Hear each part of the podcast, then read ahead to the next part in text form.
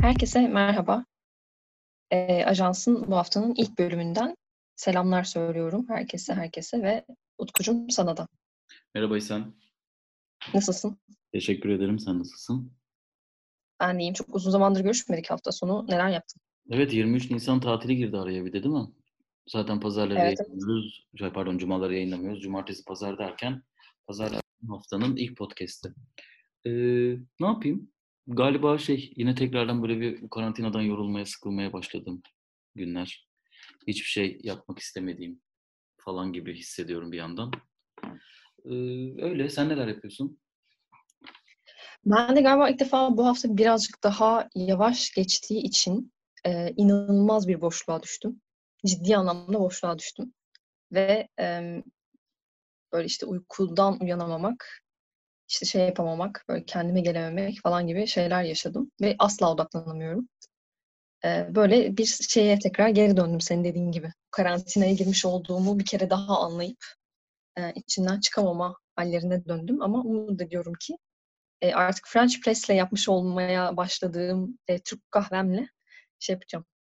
Bu zorlu zamanlarında e, üstesinden geleceğim diye hedefliyorum.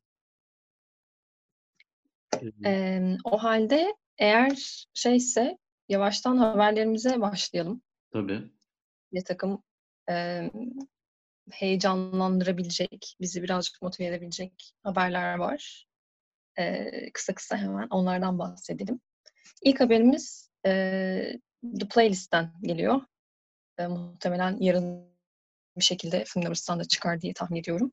E, Justin Kurzel'ın e, bir şeyi var, e, çıkışı var ilk haberimizde. Kendisi Joker'i e, çok ilham verici bulmuş ve kendisinin de bir adet böyle biraz daha e, otör gibi, otör filmin gibi bir büyük bir e, stüdyo filmi yapmak istediğine dair bir şey var.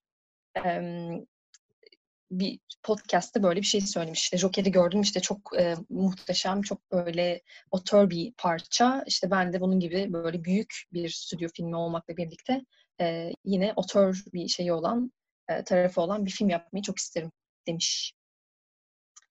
Senin yorumun nedir? Yani Joker'in aslında e, beğenip beğenmemek kriterlerimizin e, dışında hepimizi heyecanlandıran bir tarafı vardı sanırım. Yani e, burada en önemli e, detay yani Joker çok şey bir karakter, risksiz bir karakter. E, çünkü e, yani her daim işte bunu seninle bir önceki podcastlerimizde de konuşmuştuk. Yani e, Joker her daim an- o şeyin e, o üçlemenin, o filmlerin, Batman filmlerinin dahi önüne geçen bir anti kahraman. Hı hı. o yüzden de hani Joker'le ilgili bir şey yapmak, e, eli ayağı düzgün bir şey yaptığınız zaman en azından e, gerçekten çok büyük kitlelere ulaşabiliyorsunuz. Tabii Sui- Suicide Squad gibi çok kötü bir örneği de olmasına rağmen yine de hani insanlara ulaşmak açısından, fazla kişiye ulaşmak açısından e, biraz daha emin olunan bir film. E, ama burada bizi heyecanlandıran şey aslında e, Joker'in dünyası üzerinden çizgi roman e, uyarlamalarına alternatif bir bakış sunma meselesiydi. Yani ilk kez aslında ana kahraman olan Batman'in ailesinin kötü olabileceğini, suçluların e, bir şekilde daha doğrusu bugüne kadar hep suçlu olarak gördüğümüz e, karakterlerin aslında toplum tarafından dışlanmış karakterler olup bunları yapma motivasyonlarını gördüğümüz zaman aslında onlara hak verebileceğimizi gösteren bir yerden bakması. E, aslında bu süper kahraman denilen meselenin ne kadar yozlaşmış bir meselenin e, devamı olduğunu göstermesi açısından çok kıymetliydi. Bunu bu sene yapan başka bir e, büyük proje daha vardı. Amazon'un Boys isimli dizisi. Orada da aslında süper kahramanlar günümüzde sosyal medya çağında yaşıyor olsaydı e, ne olurdu sorusuna süper kahramanların yozlaşması üzerinden çok iyi bir cevap veriliyordu. E, tüm bunları düşünecek olursak Justin Kurzel'ın da söylediklerinden e, aslında o da biraz şundan bahsediyor. E, süper kahraman dünyasına yani bu kadar büyük bütçeli ve bu kadar alternatif yaratabilecek evreni olan filmler üzerinden bir otör sinemacıların bunu yapması bu evrenlere dair başka şeyler söyleyebilir gibi bir yere çekiyor. Yani aslında diyor ki bu Marvel'ın bize son zamanlarda alıştırdığı bol renkli ve çok eğlenceli olduğumuz, çok sevdiğimiz e, çizgi roman uyarlamalarının yanına aslında daha gerçekçi ve e, sinematik anlamda daha dokunuşları olan bir yönetmenin dokunuşlarını e, hissedeceğimiz for, formül filmlerden ziyade e, bir meselesi olan filmler çekilebileceğinin altını çizmeye çalışıyor. E, Justin Kurzel bunun için doğru isim mi? İşte orada bir tartışma konusu var. Gerçi şöyle de bir durum var ki hani Joker'in e, yönetmeniyle ilgili de kafamızda aynı soru işaretleri var. Yani Todd Phillips dediğimiz komediden gelen Hangover serisiyle e, bildiğimiz bir yönetmendi ve hani böyle gerçekten e, yarın öbür gün tabii ki şu an dememiz mümkün değil ama bir yönetmenlik dokunuşları olan bir isim olduğunu e, tahmin etmiyorduk. E, yani Justin Kurzel'ın da filmografisine baktığımızda özellikle e, son çektiği şeyden The History of the Kelly Gang hala izleyemedim merak ettiğim bir film. Önceki hem çok büyük bütçeli oyun uyarlaması olan As- Assassin's Creed ve bir önceki Macbeth uyarlaması çok da bir, şey vaat etmiyordu diyebiliriz. Özellikle çizgi roman uyarlamalarına otör dokunuşu olabilecek bir film çekmek istiyorum diyen bir yönetmenin bir önceki filmi çok büyük bütçeli bir oyun e, uyarlaması Assassin's Creed ve hiçbir dokunuş yok. E, o yüzden kendisi şu an bunu bu şekilde söyleyebilecek aslında son yönetmenlerden. Bu ilhamı aldım ve böyle çekebiliriz gerçekten. E, sana bu verilmişti. E, sana Assassin's Creed verildi. Çok büyük bütçeli bir oyun uyarlaması. Dünyada milyonlarca hayranı var. Bütçe e, bir stüdyo filmi. E, yani sen bunun anlaşmasını bu şekilde yapıp aslında e, bunu önceden yapabilirdin. E, ama cesaret bile edemedin ya da deneyemedin. Şimdi bundan ilham alıp yapmayı düşünmek bana biraz e, çok şey gelmiyor açıkçası ya. Çok inandırıcı da gelmiyor, çok samimi de gelmiyor. Evet. Ama bence evet, çok güzel roman uyarlamaları buraya dönmeli. Yani bu, bu buraya dönecek zaten. Bu işin geleceği bu. Ben de öyle düşünüyorum. Evet yani sanki şey gibi biz bunu böyle Netflix üzerinden konuşuyorduk ya bir şekilde Art House'a kayması gerekiyor. Çünkü öyle bir açık var. Bence genel olarak sanki sadece Netflix üzerinden değil de genel bir şu anda dünyada da işte eğlence, entertainment şeyi olarak görüldüğünde de sinema. Sanki onun yerine başka şeyler onun yerini alacak ama sinemanın gerçek anlamda bir e, yeniden kendisine bir dönüşü, özüne doğru bir dönüşü, özü varsa eğer ona doğru bir dönüş olacak ve senin dediğin gibi biraz daha otör sinema yükselişe geçecek gibi görünüyor bence de. Katılıyorum senin söylediklerine. Ee, bakalım ben de yani bekle bu arada hiç dediğim gibi bilemeyiz. Justin Kurzel şey bir e, isim. Şu anda kapalı kutu bizim için. Fakat içinden belki de inanılmaz bir otör şeyi çıkacak. Hmm, ne denir? Cevheri çıkacak. Ee, merakla bekliyoruz mu desem yoksa yani ortada bir şey yok bu arada. Ee, bir prodüksiyon işte böyle bir şey yapmak istiyorum, yapacağız işte bir projem var falan gibi bir şey söylemiyor. Sadece ne kadar ilham verici olduğundan bahsediyor. Ama belki başka bir yönetmen için bile olsa böyle bir şey güzel olur diye düşünüyorum. Ekleyeceğim başka bir şey yoksa bir sonraki haberimize geçeceğim. Yok geçebiliriz bence. Okey. O zaman bir sonraki haberimiz yine e, heyecan verici bir şey ama bu sefer ortada bir şey var. Gerçekten izleyebileceğimiz bir şey var. E, Danny Boyle arkadaşlar bundan bakayım 2011 yılında Oscar kazanan Danny Boyle. Haberi bir yandan okumaya çalışıyorum çünkü. Çok enteresan. Ee, Johnny Lee Miller ve Benedict Cumberbatch'ın e, şeyinde oynadığı, başrollerinde oynadığı bir adet Frankenstein'ın tiyatro oyununu arkadaşlar YouTube'da e, izleyicisiyle buluşturuyor. Bu gayet hoş bir haber çünkü ne kadar uzun zamandır Frankenstein izlemiyorduk deyip düşünüp e, tiyatro oyununa da hiçbir şekilde gitme şansımız yok yani. Nerede oynuyor bakayım? Bilmiyorum Nation nerede oynuyor. Ha Nation hı. Yani evimizden kalkıp oraya gitme şansımız zaten yoktu diye düşünüyorum yani çok az insanın vardı. İşte Covid-19 sayesinde o tamamıyla ortadan kalktı ama şu anda dünya ayaklarımızın altında. İsterseniz e, haberin altında bir tane şey var, official trailer'ı var ama YouTube'da şu anda full bir oyun baştan sona e, izlenebilir durumda. Değil. Değil mi? Değil mi? Değil. 30 Nisan'da. Nasıl değil? Aa pardon. Ben şeyle karıştırdım. Başka bir haberle karıştırdım şu anda e, yayında olan ama konuşmayacağımız başka bir haberle karıştırdım. Çok özür dilerim. Evet 30 Nisan'da mı 1 Mayıs'ta mı? 1 Mayıs gibi bir tarih söylemiştim bir de. E, benim bildiğim 30 Nisan'dan 1 Mayıs'a kadar 24 saatliğine yayınlıyorlar. E, Ha, tamam. Okay. National Theatre e, bunu yani başka oyunları için de yapıyor. E, yanlış bilmiyorsam. Umarım yanlış bilmiyorumdur ama böyle biliyorum. E, şimdi de e, yani bu çok uzun süre aslında konuşuldu. Bütün dünyada ve tabii Türkiye'de de konuşuldu. Özellikle hani Benedict e, Cumberbatch'in çok fazla hayranı var tüm dünyada ve oyun çok merak ediliyordu. Hani fragmanı falan da gerçekten bu arada çok umut vaat eden bir e, fragmandı. Çok iyi bir oyun olarak gözüküyor ki bütün şeyleri de çok iyi. Hani yorumları da genelde hep iyiydi oyunla ilgili ve zaten hani sold out olan bir oyun. E, şimdi hani bu şey günlerinde e, karantina günlerinde National Theatre'da e, oyunlarını 24 saatliğine gösterimi açıyor ve e, bunu bir etkinliğe dönüştürüp hangi gün hangi saatte açacağını söyleyip onun üzerinden 24 saat yayında bırakıyor. E, yani zaten Frankenstein başlı başına hani Mary Shelley'nin eseri ne olursa olsun, nasıl uyarlanırsa olunsun, isterse B filmi olarak uyarlansın, isterse komedi olarak uyarlansın, isterse gerçekten korku olarak uyarlansın, her daim ilgi çeken bir, e, benim için ilgi çeken bir eser. E, kitabını da çok severim, her yapılan uyarlamasını da izledim. E, oyunu da çok merak ediyorum. E, sanırım bu dönemlerde iyi olan tek şey bu tarz ücretsiz açılan şeyler. Hakikaten bu oyunu nasıl izlerdik, nasıl izleyebilirdik bilmiyorum. Geçenlerde Fleabag'in tiyatrosunu da aynı şekilde e, izleme şansımız oldu. Bu sefer de bunu izleyeceğiz. Bence çok güzel bir haber. Burada bu haberi e, en azından paylaşmış ve e, bu oyunu izlemek isteyenlere uya, e, ulaştırmış olalım. Belki izledikten sonra bir hafta, bir sonraki haftaki e, pazartesi günü izlemiş olursak ajansta hatta kısaca bir değerlendiririz. Fleabag'i izledin mi? İzledim. Nasıldı? Nefis.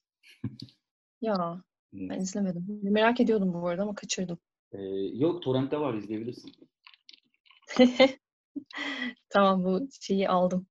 Ya başka bir yerde var mı bilmiyorum. O yüzden torrentte var diyorum. Ya ben baktığımda bulamadığım için sadece torrentten izleyebildim.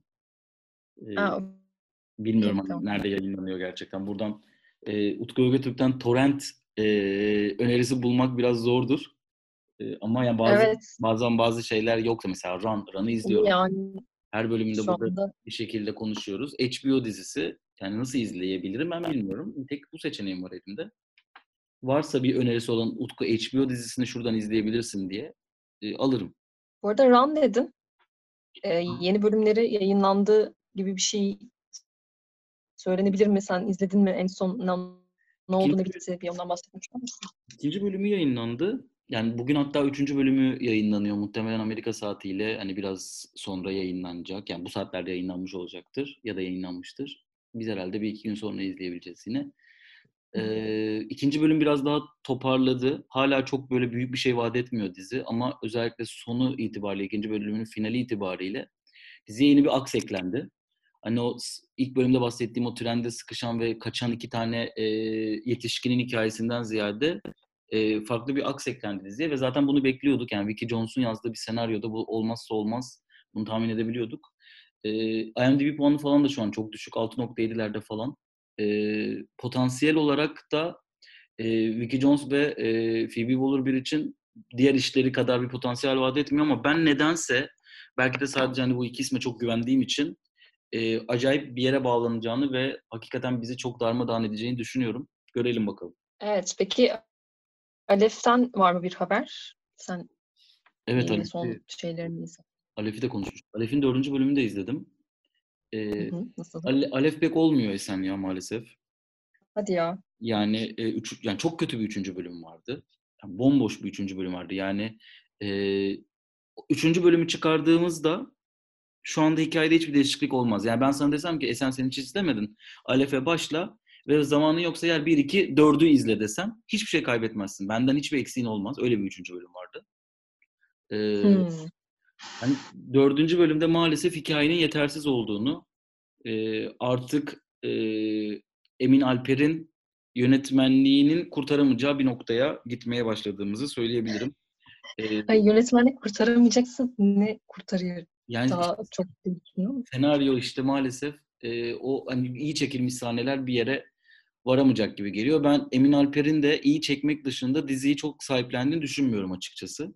Çünkü Emin Alper'in filmografisine baktığım zaman e, senaryolarının hep e, tabii ki yani böyle olması çok normal.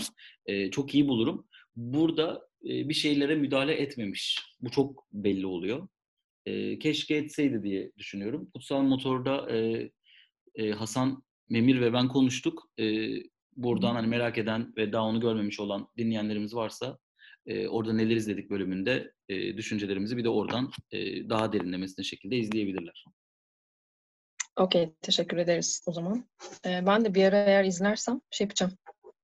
E, tartışmaları sonradan e, olmak kaydıyla her zaman olduğu gibi e, bir şekilde takip etmeye çalışacağım diyerek istersen buradan yavaşça esas e, böyle günümüzü aydınlatacak habere yavaştan geçelim. Biliyorsunuz ki Cannes Film Festivali yok ertelendi, ertelenmeyecek. Ertelenmeyi kabul etmiyoruz. İptali kabul etmiyoruz, ertelemeyi kabul ediyoruz. Yok iptali de kabul edebiliriz ama ertelemeyi öncelikle şey yapıyoruz falan diye diye diye diye e, bizi bayağı bir süre şey yapmıştı. Oyalamıştı bu haberlerle. E, son olarak işte şimdi festivalde neler, hangi filmler olabilir falan gibi listeler çıkmaya başladı. E, bunlardan da bir, iki tanesi bizim elimizde, bir tanesi bizim elimizde şeyin, Gaştaldi'nin. E, biraz ondan konuşalım istersen Ufuk. Tabii. Ee, yani şöyle, Cannes Film Festivali ne şu anda hazırlanıyorduk. Hatta benim takvimime geçen gün bir e, bildirim geldi. Ya hüzünlü bildirimler. Uçak bileti almayı unutmadın değil mi ya da eve Aa. diye. Ee, yani tabii biraz üzücü. Ee, ya Thomas e, Gastaldi her sene e, Cannes'da gösterebilecek filmler listesi hazırlar. Ve bu hazırladığı listeler aslında içeriden aldığı bilgiler olduğu için e, hepimiz biliriz ki yani buradaki filmler bir şekilde belki kategorisi değişecek ama Cannes'da yer alacak deriz. E, yine onun e, o bir liste hazırlamış. E, ve bu listede bazı filmler var. Onları söyleyelim istiyorsan. Mesela e, Wes Anderson'ın çok merak edilen French Dispatch'inin e, ana yarışmada olacağını e, söylemiş. Evet. E, yine e, şey, şey François Ozon'un e, Summers of 85 isimli filminin ana yarışmada olacağını söylemiş. Naomi Kawase'nin e, Three Mothers filminin e, ana yarışmada olacağını söylemiş. E, Gia Coppola'nın Mainstream filminin ana yarışmada olacağını söylemiş. E, Charlie Kaufman'ın e, I'm Thinking of Ending Things'inin yine e, yarışmada olacağını söylemiş. E, Abdülhatif Keşiş'in Mektup My Love'ın e, devam filmi Kanto Dune'un yine yarışmada olacağını söylemiş. Yani bu adamı yarışmaya almaya devam ediyorlar. Çok ilginç. E, gibi e, filmlerin müjdesini vermiş aslında ve belli ki Kan her zaman olduğu gibi e, çok iyi bir seneye hazırlanıyormuş. E, tabii burada e, en çok herhalde e, Wes Anderson'ın filminin e, çünkü Wes Anderson'ın son iki filmi Berlin Film Festivali'nde açmıştı. Hatta Berlin Film Festivali'nde açıp sonra Oscar'a kadar yürümesi e, genelde böyle şaşırılan bir durum oluyordu. Bu sefer kan tercihi yapılmış gibi gözüküyordu. Çünkü Berlin'in programında yoktu. E, oradan buraya gelmesi önemli. Diğer açıdan ya Fransız sinemasının e, Fransızların çok takdir etmediği ama ülkesi dışında daha fazla takdir gören e, François Ozon'un e, yeniden alışık olduğu türe. Biliyorsunuz bundan önce bir e, biraz daha böyle bir misyon üstlenip e, kilisede yapılan taciz meselelerini anlattığı bir film çekmişti. Bu sefer biraz daha aşina olduğu türe döndüğü bir film var. E, atladık. Asıl yarışmada e, Leo Carax'ın e, müzikali Anet Heh. olacakmış. Adam Driver ve Marion Cotillard'ın başrollerini oynayacağı e, film. E, yani kan çok şaşalı bir yıla hazırlanıyordu. Maalesef olmadı. Bakalım e, gerçekleşecek mi? Gerçekleşirse bu filmleri gerçekten görecek miyiz? Sen hangilerine heyecanlandın? Ben de sana sorayım. Yani şöyle ki zaten e, benim şu baktığım ikinci şey listede o 100 tane filmin e, sanıyorum ilk 20 tanesinin olduğu listede ilk e, belki onu paylaşırız hatta sonra. E, Quentin Dupion'un işte Mandibles şeyi var. E, Chapong Resete Kolu tabii ki. E, gelecek deniyor Memoria. Onu merak ediyorum ama o nasıl bir şey olur hiç bilmiyorum. Bu arada çok büyük bir hayal kırıklığı da olabilir. E, Nadav Lapid'in e, en son Sinonims'ten bildiğimiz İsrail yönetmen. Nadav Lapid'in yeni bir filmi var deniyor. Beni aslında en çok heyecanlandıranı söylüyorum. En çok merak ettiğimi ya da öyle söyleyeyim. Verhoeven'ın Benedetta'nız? Ben benim en merak ettiğim galiba e, yani Karaksı Karaks'ın e, müzikal e, denemesi galiba en merak ettiğim diyebilirim. Bu arada mesela şimdi yani gerçekten e, Benedetta da çok dikkat çekici.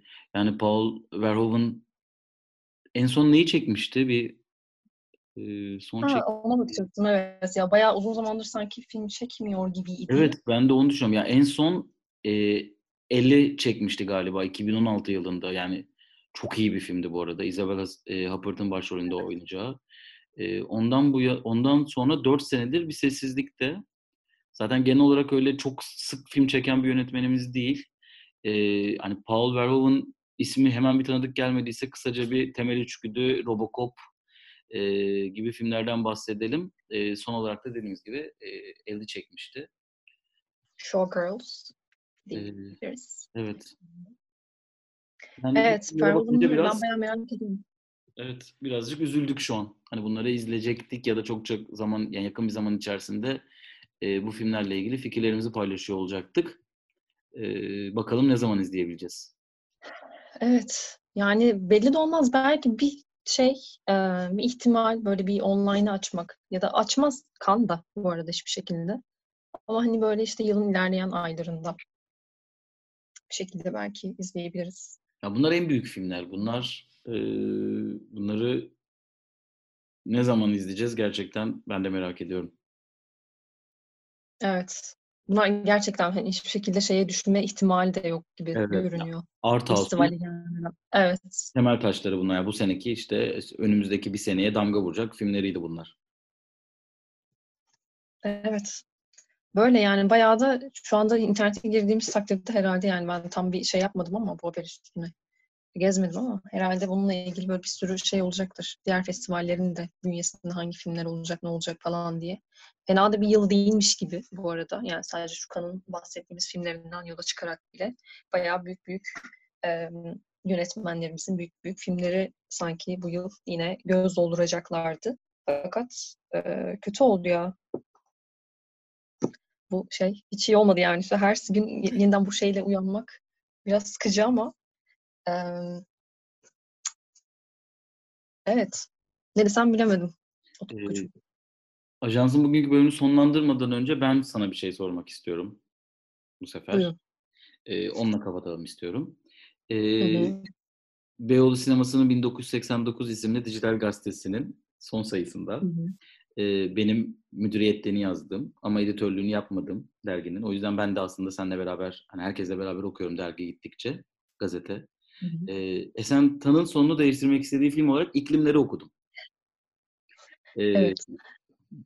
tabii ki yazıda biraz bahsediyorsun ama hani sonuçta Beyoğlu Sineması e, gazetesinin ulaştığı belirli bir kitle var. E, buradan neden iklimlerin sonunu değiştirmeyi, yani orada bir köşe var, önce onu söyleyelim. 1989'un bir köşesi var ve her hafta bir sinema yazarına, bir sinemacıya e, sonunu değiştirmek istediği filmi soruyoruz. E, eserimiz de iklimlerin sonunu değiştirmek istemiş. Kendi anlatmıştı orada ama bir de burada anlatmanı ben senden dinlemek isterim açıkçası. Ee, İklimler benim çok geç izlediğim bir film. Bu yıl içinde mi izledim? Geçen yılın sonunda mı izledim? Hatırlamıyorum. Bayağı geç izledim yani. Nur Bilge Ceylan'ın izlemediğim bir filmiydi. Ee, ve sonrasında hemen izledikten hemen sonra tesadüfen bir dersin içerisinde e, işte doktora sürecinde almış olduğum bir dersin içerisinde Bülent Tiken hocamız tarafından bu filmin bir, küçük bir analizi yapıldı. Ve işte nihilizmden bahsediyorduk. İşte Nietzsche okuması falan vardı ve işte bu filmin bir şekilde karakterler üzerinden böyle bir şey yapıldı, okuma yapıldı falan filan. İşte bu radikal femin şey nihilizm üzerinden falan işte konuşuldu. Karakterlerin e, birbiriyle olan ilişkisi falan filan konuşuldu, edildi. Ve o süre içerisinde benim aynı zamanda kişisel olarak da filmi fazlasıyla e, içselleştirdiğim bir dönemdi. E, sonrasında ben bu film üzerine tabii ki çok düşündüm, çok düşündüm, çok düşündüm. Ve o filmi işte izlemeyen varsa spoiler gibi olmasın ama kabaca söyleyeyim. İşte bir çiftimiz var ve gerçekte de e, Nuri Bilge Ceylan ve eşi Ebru Ceylan tarafından e, canlandırılan bir çift bu. Bahar ve İsa. Ve çok böyle aşırı kasvetli bir döngü içerisindeler, ilişki içerisinde. Yani birbirlerine en ufak bir faydaları yokken aşırı zarar veriyorlar ama birbirlerinden kopamıyorlar da. Ve hani şey gibi, e, suçlu taraf tabii ki de İsa gibi görünüyor bir yandan ama hani İsa dediğimiz kişi zaten kendi başına böyle e, tek başına kendisini yok edebilecek bir karakter falan e, iken işte Bahar da biraz öyle bir karakter. Ve bunların böyle birbirlerinden kopamayan böyle çok tuhaf ve hani hiçbir şekilde hiçbir yere varmayacak saçma sapan bir ilişkisi var. Ve film biraz böyle bu e, şeyle de alay ediyor aslında sonunda. Yani bunu birazcık kaşıyor daha doğrusu. Alay ediyor demeyeyim ama Nuri Bilge Ceylan'ın oradaki e, varlığı ve bakışı çok belli oluyor zaten konuya dair. Böyle sonunda e, hiç tahmin edemeyeceğinizi tahmin etmediğim, yani gayet tahmin edilebilir olduğunu düşündüğüm bir şeye bağlanıyor sonu. E, çıkmaza bağlanıyor, döngüye bağlanıyor. E, ve ben buna aşırı rahatsız oldum. Çünkü şey gibi, yani Midsommar'da da çok benzer bir şeyden rahatsız olmuştum. Böyle bir çözümü olmayan, yani çözümü çok büyük bir yıkımla ancak e, gelebilecek e, gibi görünen bir şeye bağlanıyor sürekli, çıkmaza bağlanıyor. Ve o yüzden beni çok rahatsız etmişti. E, bu nedenle e, bu arada şey diye düşünmüyorum yani kesinlikle o film için, o anlatı için, o karakterler için olabilecek en iyi son. Yani ben de yapmış olsaydım o filmi o şekilde bitirirdim muhtemelen. Fakat hani bir izleyici olarak beni rahatsız etmesi. Bu şey Haneke filmlerinden rahatsız olmak tuhaftır. Yani buna şikayet edemezsin. Çünkü zaten Haneke'nin filmleri tam olarak rahatsız etmek için e, kurulur ya hani ilk akla gelen isim olarak. Bu filmde de böyle bir şey var. Ben bundan çok rahatsız oluyorum. E, değişmesini istiyorum ama gerçek hayatta bunun değişmesini istiyorum. Filmin e, sonuyla ilgili aslında çok şey bir şey değil. Tamamıyla kişisel bir yerden. E, o döngüyü kırmak gerektiğini düşündüğüm için e, iklimleri seçmiştim. Yani çok güzel bir tarif. Çok uzun anlattım. Ee, tekrardan eline sağlık diyeyim ben de. Teşekkür ederim. Ee, çok büyük bir şeyle yazdım yazıyı da. Böyle çok e, içtenlikle ve samimiyetle yazdım. Umarım buradan tüm e, tuhaf ilişkiler yaşayan insanlara şey olur bir şekilde ilham olur diye düşünerek söyleyeyim. Sanırım programın sonuna geldik. Evet, geldik. Umuyoruz ki bu hafta yine hiç fire vermeden ajanslarımıza devam ederiz. Ve sizinle yeniden görüşürüz. Ee, benim söyleyeceklerim bu kadar. Utku senin de ekleyecek bir şeyin yoksa yavaştan. Yarın görüşmek üzere. Evet. Kendinize iyi bakın.